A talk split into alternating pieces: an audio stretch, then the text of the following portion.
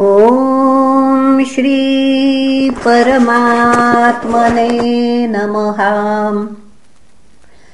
श्रीमद्भागवते महापुराणे पारमहंस्यां संहितायां नवमस्कन्धे रामचरिते एकादशोऽध्यायः। श्रीशुक उवाच भगवानात्मनात्मानम् राम उत्तमकल्पकैः सर्वदेवमयम् देवमीज आचार्यवान्मखैः होत्रे ददादिशम् प्राचीम् ब्रह्मणे दक्षिणाम् प्रभुः अध्वर्यवे प्रतीचीञ्च उदीचीम् सामगायसहा आचार्याय ददौ शेषाम् यावती भूस्तदन्तरा। मन्यमान इदम् कृत्स्नम् ब्राह्मणोर्हति निःस्पृहः इत्ययम् तदलङ्कारवासोऽभ्यामवशेषितः तथाराज्ञपि वै देहि सौमङ्गल्यावशेषिताम्।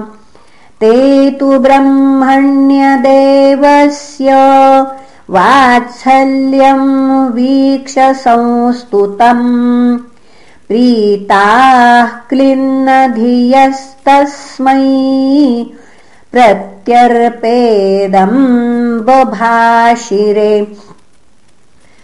अप्रत्तम् नस्त्वया किम् नु भगवन् भुवनेश्वर। यन्नोऽन्तर्हृदयम् विश्य तमोहंसि स्वरोचिषाम् नमो ब्रह्मण्यदेवाय रामाय कुण्ठमेधसे उत्तमश्लोकधुर्याय न्यस्तदण्डार्पिताङ्घ्रये कदाचिल्लोकजिज्ञासुर्गूढो रात्र्यामलक्षितः चरन् वाचो शृणोद्रामो भार्या मुद्दिश्य कस्यचित्। नाहम् बिभर्मि त्वाम् दुष्टा मसतीम् परवेश्मगाम्। स्त्रीलोभी बिभ्रूयात् सीताम्। रामो नाहम् भजे पुनः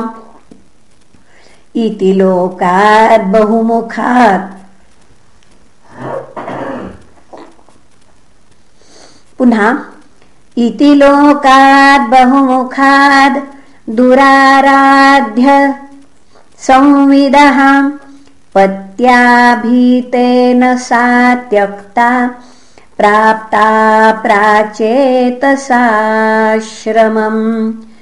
अन्तर्वत्न्यागते काले यमौ सा सुषुवे सुतौ। कुशोलव इति ख्यातो तयोश्चक्रे क्रियामुनिः। अङ्गदश्चित्रकेतुश्च लक्ष्मणस्यात्मजौ स्मृतौ। तक्षः पुष्कल इत्यास्ताम् भरतस्य महीपते। सुबाहुश्रुतसेनश्च शत्रुघ्नस्य बभूवतुः। गन्धर्वान् कोटिशो जग्ने भरतो विजये दिशाम्।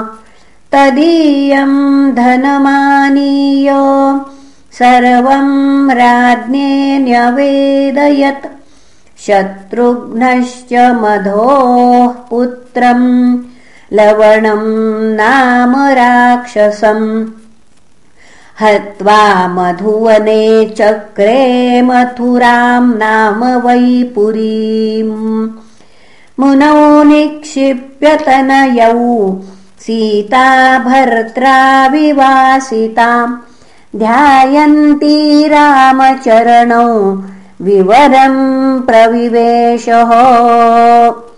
तच्छ्रुत्वा भगवान् रामो रुन्धन्नपि धिया शुचः स्मरंस्तस्या गुणौस्तांस्तान् नाशक्नोद्रोद्धुमीश्वरः।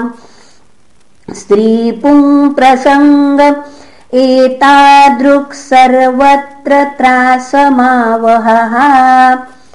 अपीश्वराणाम् किमुतम् ग्राम्यस्य गृहचेतसः।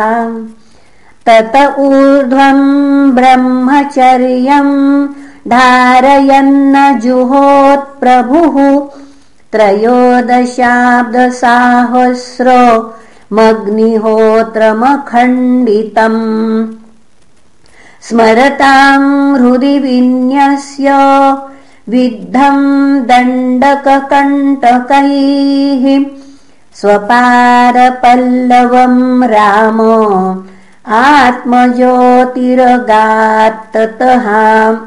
नेदम् यशो रघुपते सुरयाञ्चयात्तल्लीलातनोरधिक साम्यविमुक्तधाम्नः। रक्षोवधो जलधिबन्धनमस्त्रपूगैः। किम् तस्य शत्रुहनने कपयः सहायाः। यस्यामलम् नृपसदस्सु यशोऽधुनापि गायन्त्यघग्नमृषयो दिगिभेन्द्रपट्टम्।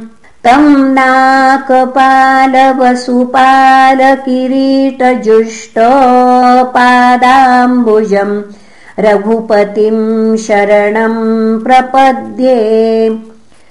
स यै पृष्टोऽभिदृष्टो वा सविष्टोऽनुगतोऽपि वाम् कोसलास्ते ययुस्थानम् यत्र गच्छन्ति योगिनः।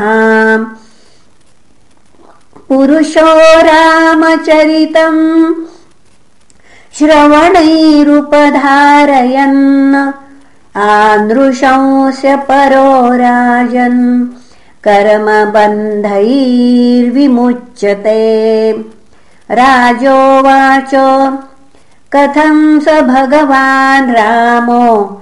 भ्रातृन्वा स्वयमात्मनः तस्मिन् वा तेन्ववर्तन्तो प्रजाः पौराश्च ईश्वरे। श्रीशुक उवाच अथादिशद्दिग्विजये स्त्रीभुवनेश्वरः आत्मानम् दर्शयन् स्वानाम् पुरीमैक्षतसानुगः। आसिक्तमार्गाम् गन्धोदै करिणाम् मदशीकरैः। स्वामिनम् प्राप्तमालोक्य मत्ताम् वा सुतरामिव प्रासादगोपुरसभा चैत्य देवगृहादिषु विन्यस्तहेमकलशै पताकाभिश्च